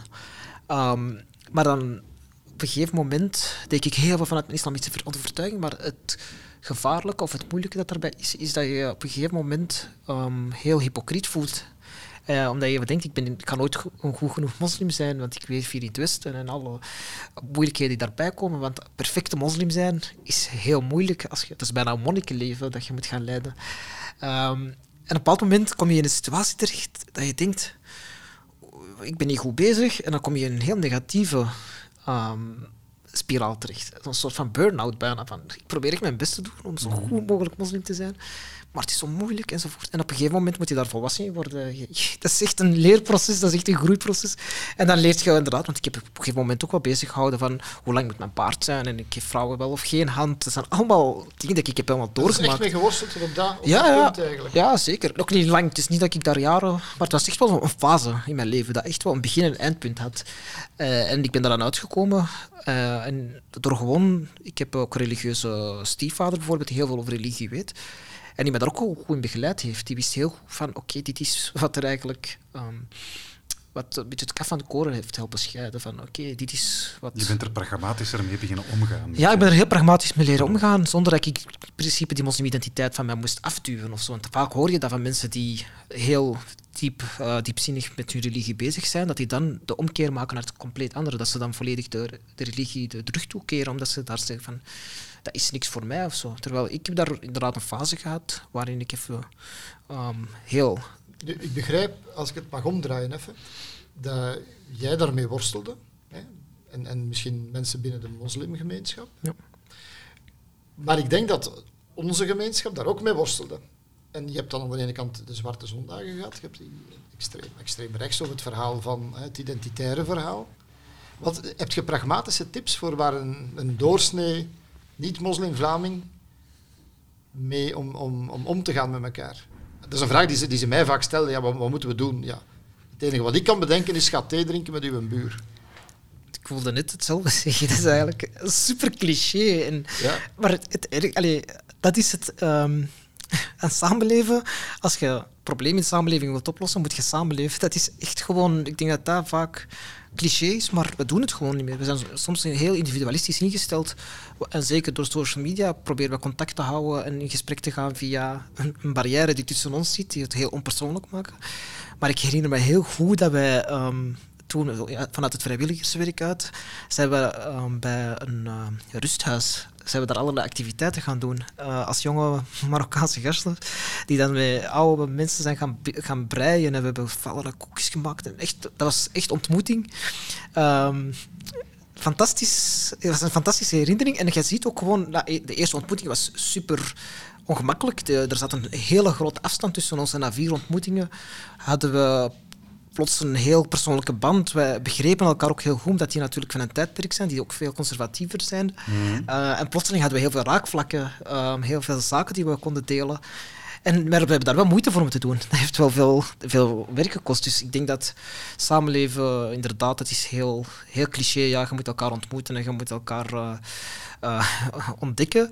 Maar ik denk dat dat gewoon heel moeilijk en heel, heel veel energie vraagt. En dat dat daarom ook gewoon heel weinig wordt gedaan. Ja. Uh, en dat is denk ik de enigste boodschap. Van, ja, als, je, als je daar schrik over hebt en als je daar problemen mee hebt, doe dan de moeite om mensen Ja, want er is criminaliteit en ze, en ze stelen ons sakos enzovoort. Ja, ja, bedoel, dat is wat in de maar dat is, dat is het grappige, dat je dan ook zo met die mensen dan aan tafel zit en, en aan een tijd zeggen die ja, maar als ik op de tram zit, dan zijn het wel de Marokkanen die altijd hun plaats afgeven aan mij. Dat vind ik eigenlijk ook wel goed. Dus uiteindelijk, dat is, dat is een vorm van ja, onbekend is onbemind. En het is weer een cliché. Ehm, maar ik heb daar gezien dat dat altijd, altijd het beste werkt. Ik herinner me ook heel goed, eh, na de aanslagen in Brussel hadden we... ehm, was er heel veel te doen geweest. hè. Er waren heel veel mensen schreven en heel veel mensen maakten tekeningen. Iedereen verwerkte op zijn eigen manier. En ik herinner mij dat er dan heel veel polarisatie op dat moment was. Natuurlijk moslims en, eh, enzovoort. Natu- ja, op zo'n dag zeker. En ik weet nog heel goed dat ik heb getweet. ehm, ik en mijn vrouw, Hanan, wij nodigen gewoon een random koppel uit bij ons thuis om gewoon met elkaar te praten bij een etentje. En die mensen die wij ehm, hebben uitgenodigd zijn nog altijd vrienden van ons. Omdat wij, ja, ik heb er nog heel goed contact mee, uh, we hebben elkaar leren kennen. Dat zijn vrienden die wij anders nooit hebben gemaakt. En dat was gewoon het, een, een spontaan idee van in plaats van ons uit elkaar Ja, ja. eh, te drijven. Ik vond gewoon iets heel simpel, iets heel concreet. Ehm, diegene die het eerste reageert, die mag bij ons thuis komen eten. Ehm, en dat was fantastisch. Ja, Ja, ja, dat was heel absoluut. mooi. Ik, ik, ik moest eraan denken over de perceptie van ons tegenover de moslims. Toen, na 9-11, ehm, ik heb Robert Fisk, hè, de, de, de grote bekende liberale journalist, de open-minded journalist van, over de Arabische wereld. En die zat op een vliegtuig toen met 9-11. En die zei van, in een oogwenk werd hij, de linkse Robert Fisk, werd hij een racist. Want hij ging samen met het personeel van het vliegtuig alle passagiers bekijken om te zien wie verdacht zou kunnen zijn. Omdat ze dachten van, oei, dat gaat nog gebeuren. Ethnic profiling Ethnic eigenlijk. profiling, wat hij dacht van, ik had nooit gedacht dat ik zo zou worden, zei. En hij keek naar wie een gebedskrans vast had, wie een baard had, wie bruine ogen had. Van de ene moment op de andere. Ik was dan achteraf nu aan het denken van, heb ik dat ook gehad? Nee. nee. Ik heb dat pas gehad, in zekere zin, een vorm van wantrouwen na de aanslagen in Parijs. En misschien Brussel daarbij, omdat het zo dichtbij kwam, terwijl je toch heel veel allee, aanslagen in Europa gehad hebt. En toen was het zo van precies, wie kun je nog vertrouwen hier? En die- dat is het misschien ook het, eh, het absurde daarachter of zo. Als je een aanslag pleegt, dan ga je dat niet doen in je, in je wit kleed met een lange baard en een tulband. Terroristen lopen niet zo rond. Eh, dat, is, dat is het hele absurde. Ik herinner me heel goed. Ja, dat is waar. Maar ik zat, ik, een persoonlijke anekdote. Ik zat in die periode, en, en mensen weten dat ik doe wat ik doe, wat ik mee bezig ben. Ik zat op een bankje en ik, normaal heb ik toch redelijk goede contacten en praat ik met, met van alle gezinten. Hè. Ik zat op een bankje in Leuven en er kwam plots iemand langs. En die kwam even naast mij en die zei van... eh, met een baard, een beetje het cliché, maar een jonge gast hè, met sneakers aan. En die zei me, en, en toch gaan we winnen, je zult wel zien, pas maar op. Ah, ja. En hij ging terug weg. Ik zeg, ja, la, kunnen we even, wat bedoelde, kunnen we even praten? En nee, gewoon even een waarschuwing en verder. Ja. Dan denk je van, is dat de sfeer die hier begon te heersen? Toen, ik ik heb, ik- zeker de aanslagen van Brussel waren misschien de aanslagen ehm, waar ik nooit zoveel eensgezindheid heb gezien in mijn omgeving ehm, als het ging over aanslagen. Was, de aanslag van Brussel was echt speciaal. Waarom? Omdat iedereen iemand kende die op dat moment op de luchthaven was. Die, ik heb eh, vrienden gehad die net ehm, zijn kunnen ontkomen, die hebben kunnen vluchten van de bommen. Eh, die hadden ook dood kunnen zijn. Eh, er zijn mensen die hun, ehm, hun vrouw verloren hebben. Ik denk aan ehm, Mohamed Ja. Bashiri, die daar ook een boek heeft over geschreven. Dus dat heeft... Voor alle duidelijkheid, ik heb het over voor Brussel en na Parijs. Dus Ah ja, oké. Ja, oké. Het was nog niet echt Dat is nog bij niet ons heel thuis. Dichtbij. Ja, ja. Maar ik denk, na Brussel had ik wel een beetje wat ik er juist zei van in, in- na 9-11 had je een soort van, ja, Amerika is getroffen geweest. Er was een soort van, ehm, ja, een soort van goedkeuring bijna. ehm, van, van ja, Ja. dat is een keer een terug, maar niet per se van de doden, maar zo gewoon, ja, het is- misschien zel- zelf gezocht.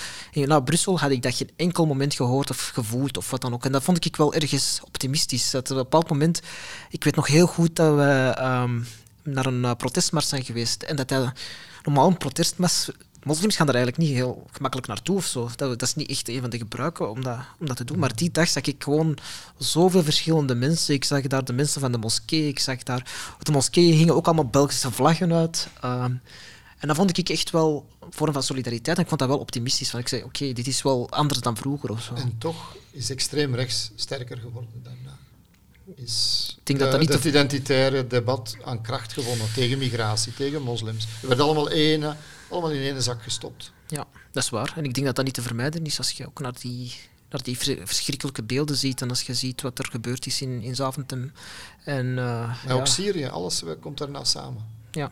en dat is, dat is het pijnlijke natuurlijk, omdat je daar als, als gewone burger die, die 99,5 procent die, die, ja, die gewoon normaal wilt samenleven en die gewoon wilt gaan werken, die zijn brood verdient, die s'avonds gaat slapen met thuis, na thuis. Dat is een, de doorsnee moslim, maar je hebt de, die kleine percentage die dan uiteindelijk ja, politiek, politiek landschap helemaal doet vertekenen natuurlijk. Ik heb toen met een, alleen een documentaire gemaakt over mijn jihad. dat, Om te proberen het begrip jihad. Maar te zien hoe dat de moslimgemeenschap bij ons reageerde het jaar daarna. En eh, een imam die zei van, ik zei van ja, 500 van die jonge moslims uit België zijn wel vertrokken. Hè. Het Ja. meeste van, van de westerse wereld in verhouding. Hij zei ook, ja, maar er zijn er 500.000 hier gebleven. Ja, klopt. Ja. Dat is het, eh, het, het jammerlijke. En ik vraag me nog altijd ook af van hoe is het anders, zou het anders zijn kunnen lopen? Want ik heb daar ook gewoon vrienden die vertrokken zijn en die hun leven zijn verloren in, in Syrië. En dan denk ik van, ja, hoe komt dat en, en, en hoe is dat zo snel kunnen gaan? Want dat was echt heel snel. Het is echt op eh, een paar maanden tijd dat daar zoveel is gebeurd in je leven, dat er zoveel paranoia ook heerst in, in, in, je vriendengroepen en in, in, in, je, in omgeving. Ik herinner me dat echt als één grote waas, waar op een bepaald moment iemand bij u is en een paar maanden later dat hij gewoon dood is. En je voelde het niet. Je wist het niet dat het ging gebeuren. Achteraf kom je er echt gewoon uit en dan denk je van hoe absurd en hoe gestoord is dat in welke situatie dat we leefden. Dat er zo gewoon iemand vandaag naast u zit en morgen is die aan het front oorlog aan het voeren als de gast die gisteren nog uh, op de schoolbanken zat. Dat was die absurditeit die op dat moment beseft je dat niet. Je vond dat bijna... Ik weet nog, in de beginfase was nog niet zo heel bekend dat er mensen vertrokken naar Syrië. En dan komt iemand tegen op straat en... Kende die niet of zo, maar die, zei, die persoon waar ik bij was, die kende die wel. En dan babbelden en dan wandelden we door. En dan zegt hij, ja, die gast die je net hebt gezien? En ik zo, ah nee, ik ken die niet. Ja, die is naar, is naar Syrië geweest en die is nu even teruggekomen. En die gaat binnenkort terug weg. Dus dat was een beginfase van um, waarbij er nog niet heel bekend was of dat dat nog niet heel hard in de media zat. Maar dat was al een fase van de eerste vertrekkers. En ik, als ik erop terugkijk, vond ik dat niet raar op dat moment.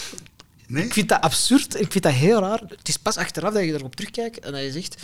Eigenlijk is dat ook raar dat er iemand nu naar een oorlogsgebied trekt. Maar dat was nog niet met de IS en zo. Het was nog onder uh, FSA, Free Syrian Army en verschillende uh, uh, Dat was nog niet zo chaotisch als de maanden daarna. Maar dat was zo raar dat ik het normaal vond, of niet absurd vond, dat iemand uh, met de bus naar Turkije gaat om daar uh, de grens over te steken en dan even terugkomt om zijn familie goeiedag te zeggen. Um, verhaal, ik hoor ook verhalen van mensen die um, allerlei spullen, zoals westers eten enzovoort, ook allemaal smokkelden naar, naar de grens. Het is echt super banaal en bizar dat je chocopotten smokkelt naar de, naar de naar de Turkse grens. En dat denk ja, ja dat, dat, is, dat is echt. Nutella echt waar, en, en daar werd voor echt. Een aantal van die gasten in Syrië die kwamen de grens terug over om een pot Nutella, want ze konden niet zonder hun boterham. Dat konden ze dan niet missen. Oké, okay. maar wel strijden voor uh, de ja. jihad. Oké. Okay. Uh, Mohamed Ouamari, ik onthoud, we moeten eigenlijk gewoon vaker samen thee drinken en breien.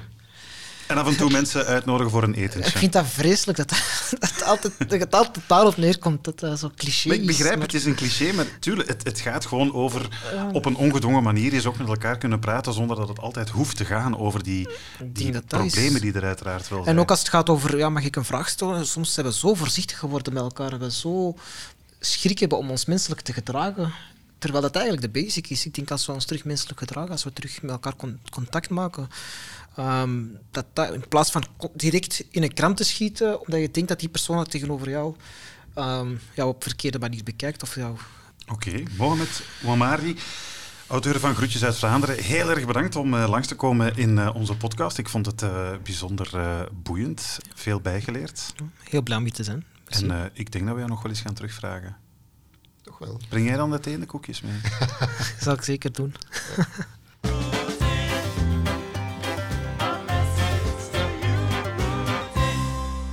Twee maanden lang hebben onze luisteraars gehad om een uh, interessante vraag te bedenken voor uh, Rudy Franks, want dat is ook iets wat we elke maand in deze podcast doen. Rudy een persoonlijke vraag voorleggen. Deze week, deze maand moet ik zeggen, komt ze van Lise Loren. Die heeft in augustus iets, vreemds opgemerkt in het journaal. Toen de Taliban uh, volop aan het oprukken waren in Afghanistan, zag ze jou plots in het journaal duiding geven live vanuit Verona. Wat in godsnaam, beste Rudy, deed jij in Verona, wil ze Loren weten? Ja, ik was gaan kijken naar het balkon van Julia en van Romeo. En nee. Ja, nee. Ik was eigenlijk onderweg naar, naar het noorden, terug naar huis. En ik was van plan, normaal, ik had een visum om naar Kabul te gaan. Um, de week daarna, op uh, dinsdag, dan ging het in. En de vlucht was al geboekt. Alleen die Taliban waren niet alleen die American Intelligence te snel af, maar zeer zeker ook mijzelf. dus dus zat ja. ik op dat moment vast in Verona. Ik was daar dan, ja, op het weekend. En ik, uh, ja, ik ben dan gewoon maar in de hof gaan staan van dat hotel. ja. Dat was iets neutraal. Ja. je kunt dan moeilijk het balkon van Romeo en Julia op de achtergrond. Maar dat had iets absurds. Het had iets heel absurd. geeft duiding bij Afghanistan vanuit Verona. Voor veel mensen klopte dat niet. Ja, nee, ik ben dan ook heel snel naar hier gekomen, twee dagen later. Ja, maar Lieselore die had dus ook al wel in het snotje natuurlijk dat jij eigenlijk gewoon uit je luie stoel was gehaald van op je vakantieadres, omdat er dus van alles gebeurde in Afghanistan. En dus is haar tweede vraag. Is dat balen voor jou, hè, dat je zomaar, of dat je vakantie zomaar kan onderbroken worden door het wereldnieuws? Of is dat toch die onhoudbare adrenaline van de buitenlandreporter die het dan van je overneemt? Het was vooral balen dat ik niet in Afghanistan geraakte. Dat was vooral balen, uiteraard. Ik wou, ik wou zo snel mogelijk daar geraken, maar het, Belgisch leger kon, wou niemand meepakken naar Kabul voor die mijn evacuatiemissie. In tegenstelling moet ik bekennen tot, uh, tot de Britten en zo. Mm -hmm. Het Belgische leger heeft niet de gewoonte om erg open te zijn in dat soort dingen. Laten we zeggen dat er een zekere ges gesloten sfeer heerst. Dan, ja, ik, ja, ja, ik, ik, was ik hoor wat kritisch over. Ja. Nee, ik wou er geraken. En dus ja, het is, het is eigenlijk wachten op een, op een commerciële vlucht om er te geraken. Hè. Een commerciële vlucht naar Kabul. Ja, er is er al eentje geweest, heb ik begrepen, of, of al een paar. Ja. Oh, pas op, ik ga... Maar Mag ik dat het zeggen of niet? Ik, ik heb aanbiedingen gekregen om me via smokkelroutes naar Kandahar te krijgen. Maar dat dacht ik, ja, als ik nou 30 jaar jonger was en per se dat wou bewijzen, zou ik misschien het overwegen. Maar, maar nu aanbiedingen, ik, hoe, hoe gaat dat, Rudy? Wie biedt er jou aan? Ik, kom, ja, ik neem wel even mee van achter mijn pick-up. Nee, nee, nee, dat is het. Dat, laten we dan maar stil blijven. Maar meen je dat nu, overweeg jij nu echt om met een vliegtuig te landen op de luchthaven van Kabul, die volledig gedomineerd wordt door die rare hipsters op hun sneakers, die toch wel ay, wat gevaarlijker zijn dan dat we ze nu voorstellen natuurlijk. Hè? Wel, Vincent, ik denk dat ik geruster ben als de Taliban alles controleren en dat ze maar een deel daar controleren van Kabul. Ja? In, die, in die zin dat, dat de regels wel de, zullen duidelijk zijn. En ik bedoel, en zij zullen proberen voor veiligheid te zorgen. Ze zullen me allicht wel proberen om mijn, het werken te bemoeilijken. Maar een situatie waarbij die burgeroorlog in volle gang zou zijn en Kabul belegerd, en zo zit je met een heel andere situatie. Maar kun je zomaar uitsluiten dat, dat nee. een of andere gekke Taliban-strijder een, een, een, commercieel vliegtuig dat aankomt denkt, ga dat uit de lucht halen? Dat kun je toch ook niet uitsluiten? Nee, nee hij niet, maar, maar misschien dat uh, ISK dat wel zal proberen. Hè?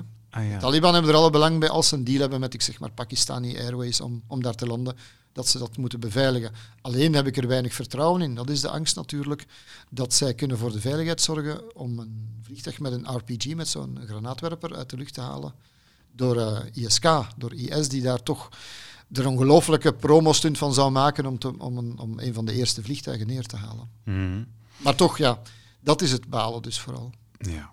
Want ik zou echt wel willen zien. Weet je, ik heb daar een klasje gezien, twee jaar geleden toen ik daar was, waarin, van een project van, die, vanuit, vanuit België, ook van Moeders voor Vrede, ja. waarin al die, die meisjes van 15, 16, en gingen gewoon af om te vragen, wat wil jij worden? Dokter, advocaat, onderneemster. Eigenlijk zou ik doodgraag eens naar zo'n school gaan opnieuw, naar zo'n meisjes gaan kijken van, en nu? En nu? Eigenlijk is mijn job dan heel simpel hoor. Namelijk? Dat vragen. Ja. En luisteren. Oké. En hopen dat ze iets mogen zeggen. Er is geen Martin Tangen meer om het tegen jou te zeggen, maar wees toch maar voorzichtig, Rudy. Ja. Oké? Absoluut. Franks en Bilo. Voilà, dat was hem, onze septemberaflevering van uh, Franks en Bilo. We hebben een Facebookpagina, een Facebookgroep, dat uh, weet je intussen wel. Je kan er je mening geven over onze podcast, meepraten over de actualiteit en zeker ook zelf onderwerpen aandragen. Hou je daar vooral niet voor uh, in. Af en toe posten we er ook wel eens een keer een leuke of interessante kijk- of leestip, hè Rudy? Ja, en je kan ook de podcast bekijken op 14 Nieuws of daar. Hallo trouwens, als je dat nu aan het doen bent. Oké, okay. live zelfs. Uh, aan jou de keuze waar je het liefst zit natuurlijk. Hè. Ja, en als je deze podcast goed vindt, dan uh, mag je hem altijd een review geven in uh, je podcast-app, want dat helpt andere luisteraars om Franks en Bilo ook te ontdekken. Vragen, opmerkingen of verbeteringen, of een message aan mezelf, ja. Je vindt ons via vb what's in a name, at vrt.be. Ja, dat heb je heel goed gezegd, Rudy. Dan rest ons alleen nog om enkele uh, mensen te bedanken. Uh, ik denk dan aan uh, onze gasten natuurlijk, Mohamed Ouamari en ook professor Koolzaad. Absoluut, lang geleden, maar ik was heel blij om te horen. En, en dan research. Lupna Kalkali en Nele Pallemaerts. Eindredactie Goran Verluiten. En wie waren wij ook alweer? Frank Bilo. En Bilo. Bedankt om te luisteren. Tot volgende maand. Dit was een podcast van VRT Nieuws. Je vindt er meer op de podcastpagina van vrtnieuws.be of via de podcast-app op je smartphone.